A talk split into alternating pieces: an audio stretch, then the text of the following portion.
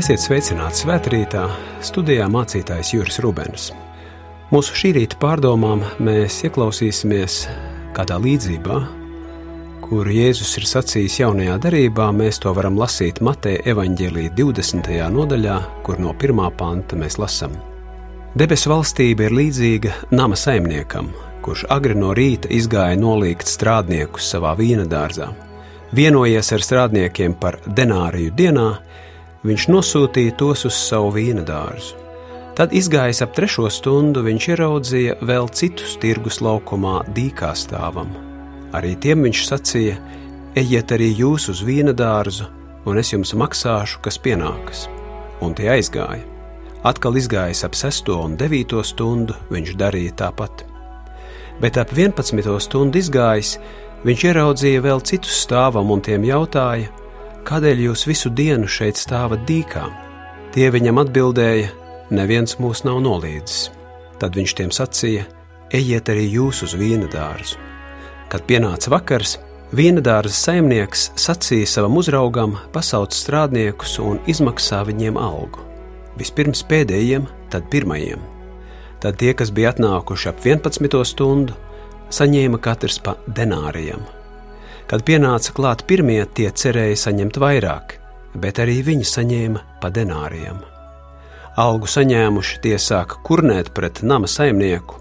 Šie pēdējie strādāja tikai vienu stundu, bet tu tos esi pielīdzinājis mums, kas visu dienas smagumu un svēlmi esam nesuši.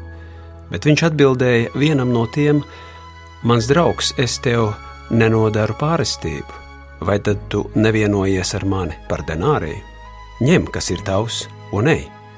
Bet šim pēdējam es vēlos dot tikpat, cik tev. Vai tad es nedrīkstu darīt ar to, kas ir mans, ko vien gribu? Vai arī tava acis ir skaudīga, ka es esmu labs? Tā pēdējie būs pirmie, un pirmie pēdējie. Āmen!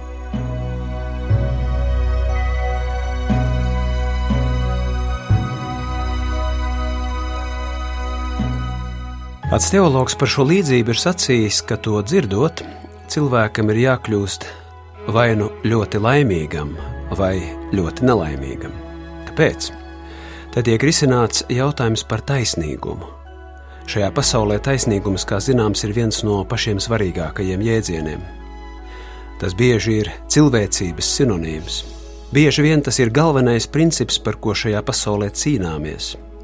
Jo tas, kas izšķiroši ir svarīgs, piemēram, veidojot morālu cilvēciskās sadzīves modeli, ir tas, ka šajā sabiedrībā ir jāvalda taisnīgumam. Tāpēc, piemēram, pārkāpumiem jātiek sodītiem.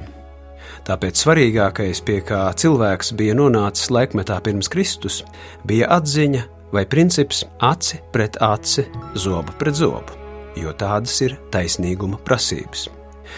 Katram cilvēkam ir jāsaņem tas, ko tas ir pelnījis, kurš gan no šāda principa būtu gatavs atsacīties. Bet šī paradoxālā līdzība, kā jau arī daudzas citas Jēzus stāstītās, sagrauj mūsu pašsaprotamos pieņēmumus par taisnību un pašsaprotamo ļoti egoistisko pasaules redzējumu. Un tas ir šīs līdzības galvenais uzdevums. Es gribu jums atgādināt, ka Jēzus Galvenā programma ir izsacīta viņa pirmajos vārdos, ar kuriem viņš nāk pie cilvēkiem. Atgriezieties no grēkiem, jo debesu valstība ir šeit.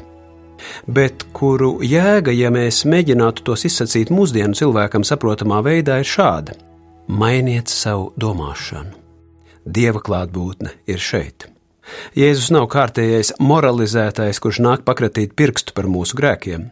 Ja tas tā būtu, tad būtu diezgan grūti paskaidrot, kāda ir viņa īpašā nākšanas jēga, bet viņš vēlas mums palīdzēt mainīt veidu, kā mēs uztveram pasauli, sevi, dievu. Un viņš zina, ka tā ir pati grūtākā pārvērtība pasaulē. Mums nav grūti pieņemt dažas jaunas atziņas, bet mums ir neiedomājami grūti mainīt veidu, kā mēs raugamies uz pasauli, kā mēs uztveram realitāti. Tāpēc daudzi Jēzus izteikumi līdzības ir kā satricinošs trieciens mūsu parastajai egocentriskajai pasaules uztverei. Īpaši tad, ja tā ir paslēpusies zem reliģiskām drēbēm. Arī šī līdzība ir satricinošs izaicinājums. Tik ilgi, kamēr tu paliec pie vecās pasaules uztveres, tu šos vārdus nesapratīsi un patiesībā nolieks. Anglikāņu teoloģe Sintīna Buržo saka, Jēzus vēlas radīt īssavienojumu mūsu prātā, lai mēs tiktu katapultēti pretī pilnīgi jaunam redzēšanas un visas esības veidam. Jā, Jēzus sirds ir tik biedējoši plaša, ka tās pēdējās konsekvences gandrīz mēs nespējam panest. Ko tad viņš vēstīja šajā līdzībā, kas no vienas puses raugoties atspoguļo tā laika Galilejas dzīvi? Līdzības sižets ir diezgan vienkāršs. Ir vīnogu novākšanas laiks, un vīna kalna saimniekam sava laika vidē nesagādā nekādas grūtības atrast sev strādniekus ražas novākšanai. Aležu tirgus laukumā atrodami cilvēki, kas meklē darbu, un faktiski jebkurā dienas laikā tu vari atrast nepieciešamo strādnieku vienai dienai. Tie ir tā saucamie dienas strādnieki, kas tiek salīgti par ļoti pieticīgu atalgojumu vienu denāriju. Tas ir tieši tik daudz, lai strādnieks varētu sev un savai ģimenei sagādāt pārtiku vienai dienai. Šie vīnakalna strādnieki tātad burtiski dzīvo no rokas mutē, jo katrā nākošajā dienā tiem jādomā, kā nopelnīt iztiku šai dienai. Varbūt mēs nemaz nepamanām, ka patiesībā katrs cilvēks savā ziņā vienmēr ir šāds vienas dienas strādnieks, jo mūsu rīcībā alaži ir tikai tas, kas šajā dienā. To īstenībā ļoti tieši atklāja mūsu tēvs lūgšanas vārdi mūsu dienascho maizi dod mums šodien. Tik tālu viss katram būtu skaidrs. Tas nozīmē, ja strādnieks uz vienu dienu salīgts par denāriju, tad tam, kas, piemēram, strādājis tikai vienu stundu, jāsaņem 12. daļa no denārija. Tā tas būtu pēc taisnības. Taču no tā vairs nevar dzīvot. Tas vairs nepietiek vienas dienas pārtikai. Un tāpēc Vīna kalna saimnieks pārmaina savu principu, atsakoties no taisnīguma mēroga un izšķiras vakarā katram dot nevis tik, cik tas nopelnījis, bet tik, cik tam vajadzīgs, lai izdzīvotu, lai šis cilvēks varētu dzīvot. Šajā vietā mēs pat varētu līdzību arī beigt, jo svarīgākais ar to ir pasakīts. Tāds Jēzus grib sacīt, tāds ir Dievs iepratī mums. Mēs gan bieži saucam pēc taisnības, bet ja viņš spriestu tikai pēc tā, ko patiesi esam nopelnījuši, tad jādomā, mums nav nekādas iespējas dzīvot tālāk. Tad mums nepietiks, lai varētu dzīvot.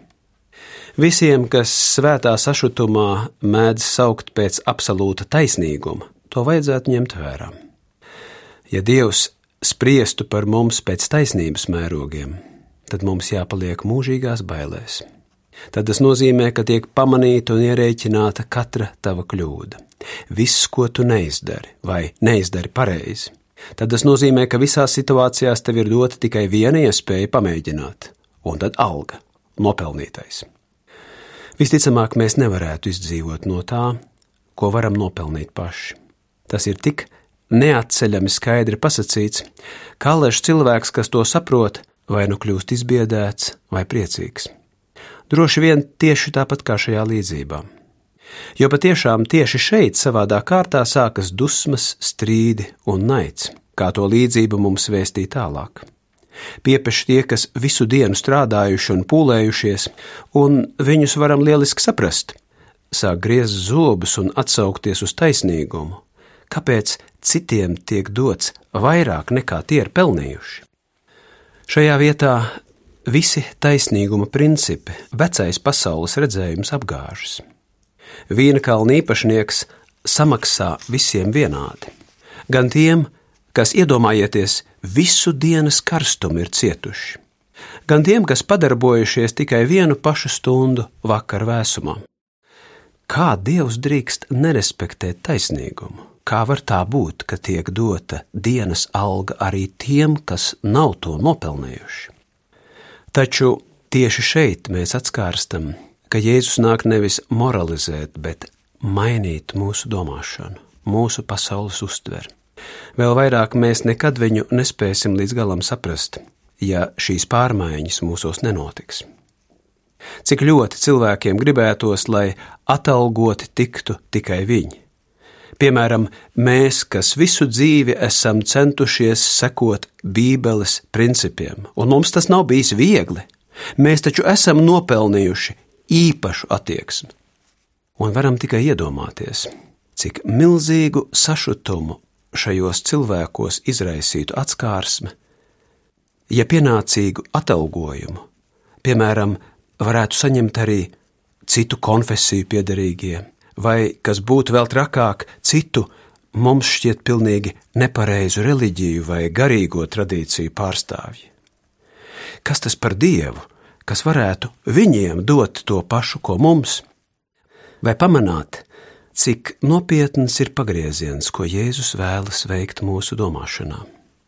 Nav grūti saprast, kāpēc viņa nogalināšanas iniciatori bija ne jau muitnieki un grēcinieki, bet viņa laika paši dievbijīgākie cilvēki. Tas ir par daudz. Viņš sagrauj visu mūsu pasaules redzējumu, kas mums ļāva justies tik komfortabli pārākiem un īpaši atalgotiem. Viņš izjauc mūsu kārtību un pieprasa saka, ka grib apdāvināt visus, nu ko tādu mēs neesam gatavi pieņemt. Mums tāds dievs nav vajadzīgs. Mums vajadzīgs dievs, kas rīkotos atbilstoši mūsu priekšstatiem. Cilvēki vienmēr ir cīnījušies ar Dievu, un vienmēr ir bijušas tikai divas iespējas.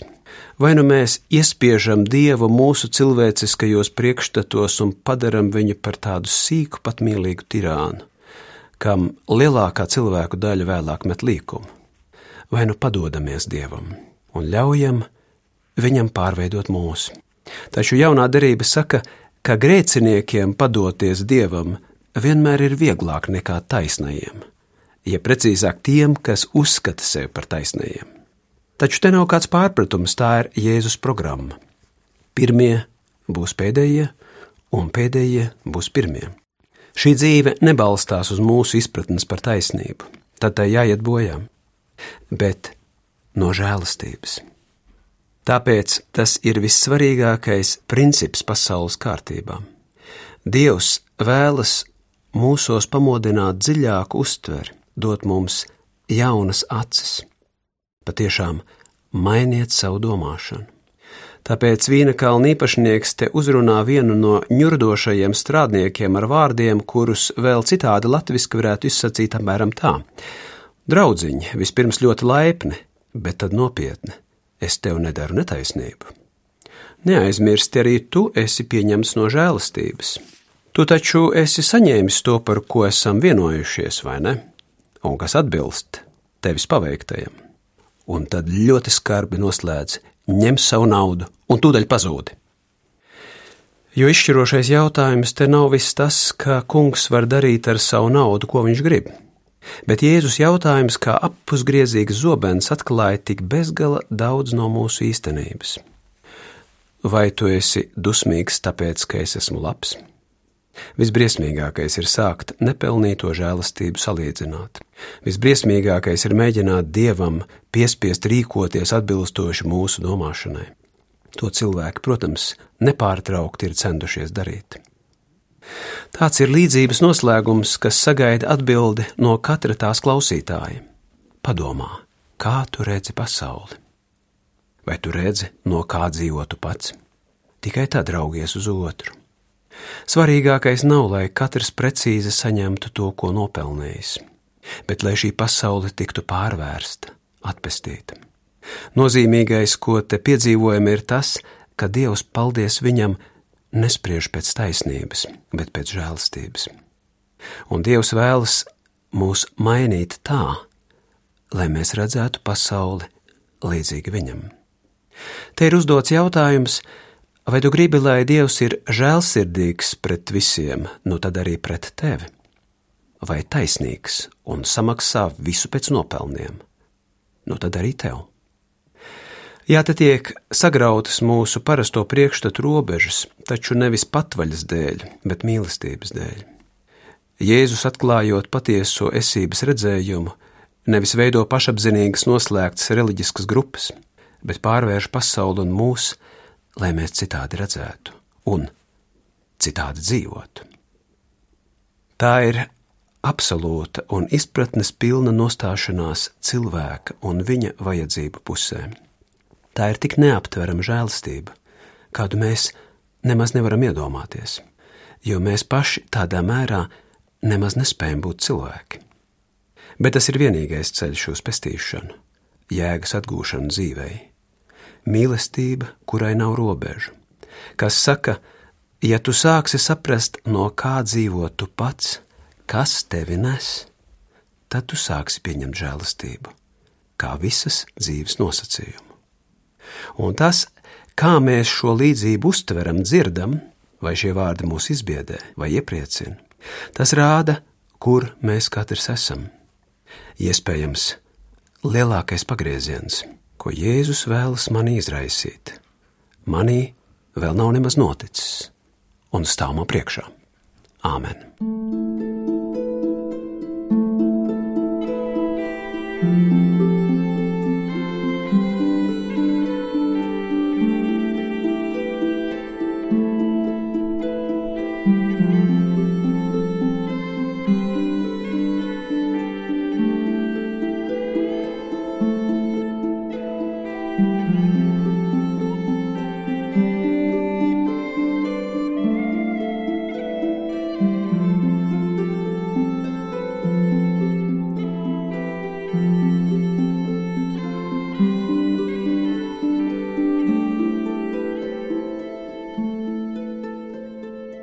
Mēs tev pateicamies, debesu Tēvs, ka šajā dažādajā pasaulē Tu ļauj mums sastapt tevi ikvienā mirklī un situācijā.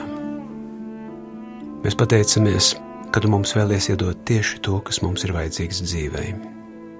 Arī tad, ja mēs 11. stundā meklējam, tu vienmēr esi atrodams. Ļauj mums katram pamanīt, cik ļoti mēs dzīvojam no žēlastības, no iespējas, kuru tu katru dienu mums uzdāvini no jauna. Palīdz mums mācīties kaut nedaudz, atvērties žēlastībā arī pret citiem, lai tava beznosacījuma mīlestība un žēlsirdība varētu izplatīties šajā pasaulē un mainīt šo pasauli. Mēs uzticam sevi, mūsu visus un visu mūsu nākamību tavās rokās kad mēs Jēzus vārdā lūdzam: Mūsu Tēvs debesīs, svētīts lai top tavs vārds, lai nāk tava valstība, tavs prāts, lai notiek kā debesīs, tā arī virs zemes. Mūsu dienascho maizi dod mums šodien, un piedod mums mūsu parādus, kā arī mēs piedodam saviem parādniekiem. Un neieved mūsu kārdināšanā, bet atpestī mūs no ļauna, jo tev pieder valstība, spēks un gods mūžīgi mūžos. Āmen!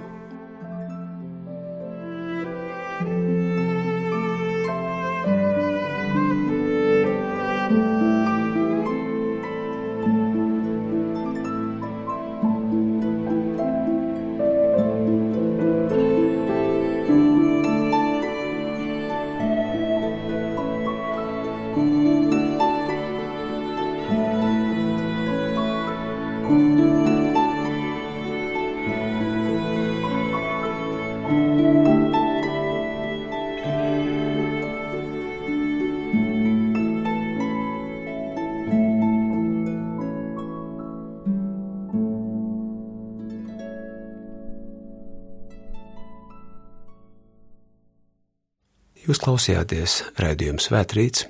Studijā bija mācītājs Juris Rubens. Bet manam tētim, manam tētim ir dārs. Bet manam tētim, manam tētim ir dārs. Viņš to iekopīs manā sirdī, manā sirdī. Bet manam tētim, manam tētim ir dārs. Viņš tur puķēs sastādījies, viņš tur kokus. Viņš tur putnus saicinājis, lai tie dzied. Bet manam tētim, manam tētim bet manam tētim, manam tētim